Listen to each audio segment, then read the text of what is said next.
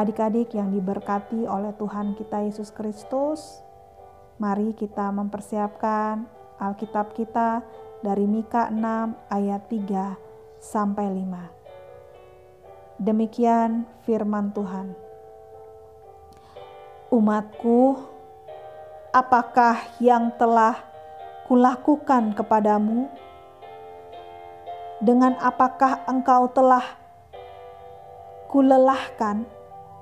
Jawablah aku, sebab aku telah menuntun engkau keluar dari tanah Mesir dan telah membebaskan engkau dari rumah perbudakan, dan telah mengutus Musa dan Harun dan Miriam sebagai penganjurmu.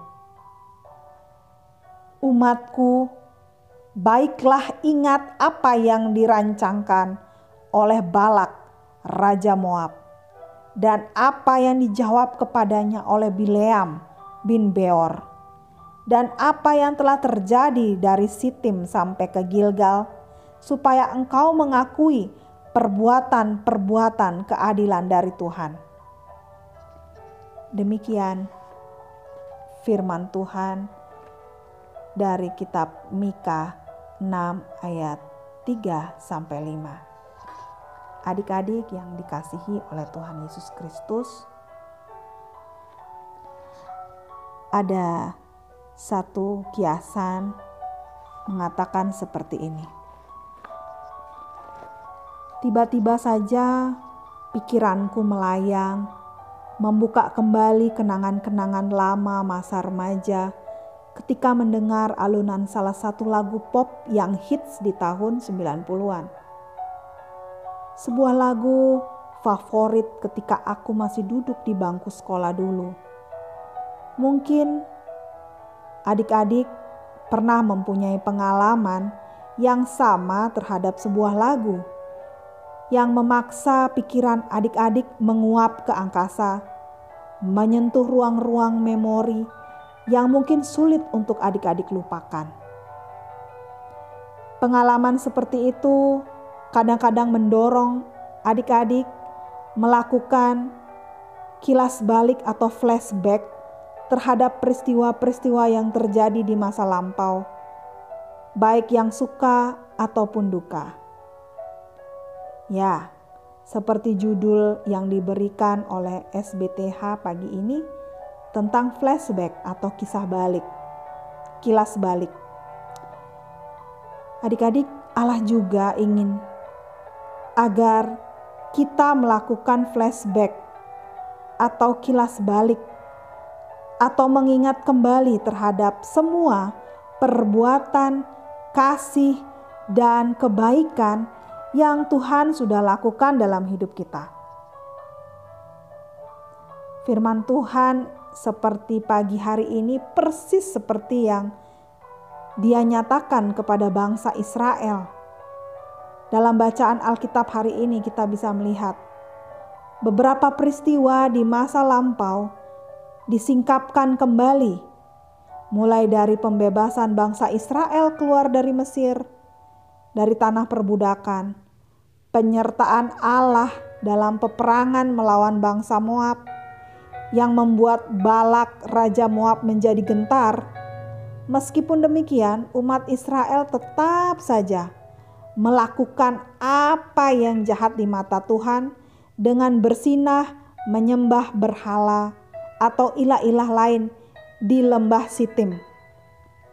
Dan mereka juga melakukan hubungan seksual dengan perempuan-perempuan yang berasal dari Moab yang tidak percaya kepada Tuhan, Allah Israel.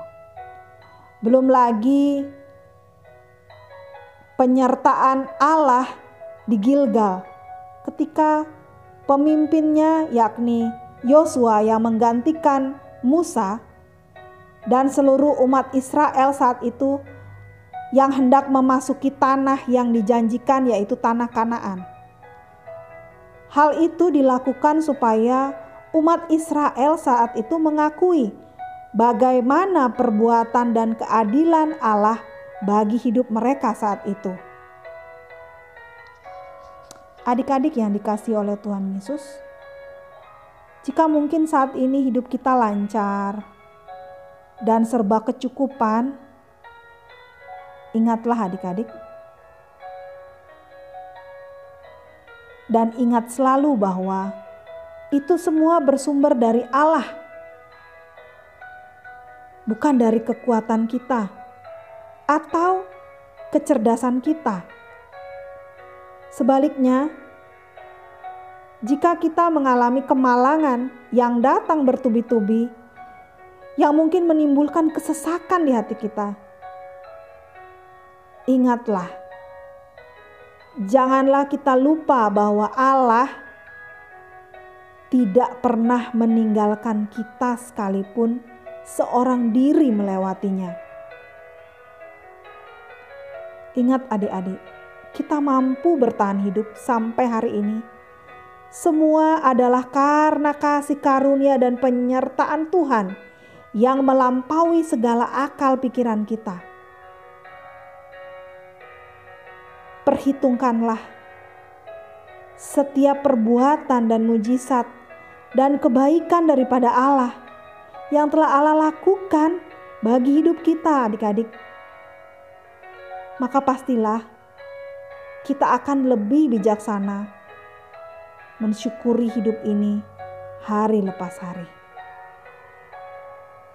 Mari kita mengingat kembali kebaikan apa yang sudah kita terima dari Tuhan, supaya kita menjadi orang-orang yang tahu mengucap syukur. Kiranya firman Tuhan di pagi hari ini menolong kita untuk melakukan apa yang terbaik bagi hormat kemuliaan nama Tuhan. Tuhan Yesus memberkati kita semua. Mari kita berdoa. Bapa kami yang ada di dalam surga, kami sangat bersyukur Tuhan bahwa Engkau memberikan kami daya ingat yang baik. Bagaimana kami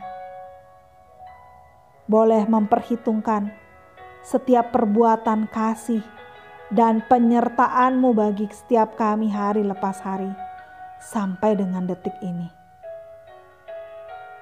Ajarlah kami untuk selalu mengucap syukur atas setiap kebaikanmu dalam segala kondisi dan keadaan yang kami alami. Biarlah Tuhan, Engkau senantiasa bertahta di dalam hati kami sehingga hidup kami boleh berkenan di hadiratmu. Ampunilah segala dosa dan kesalahan kami, jikalau kami kurang bersyukur kepadamu. Inilah doa syukur kami di pagi hari ini Bapa, yang kami bawa dan alaskan hanya di dalam nama anakmu Yesus Kristus Tuhan dan Juru Selamat kami yang hidup, kami anak-anakmu sudah berdoa dan mengucap syukur hanya kepada Bapa di surga. Haleluya. Amin.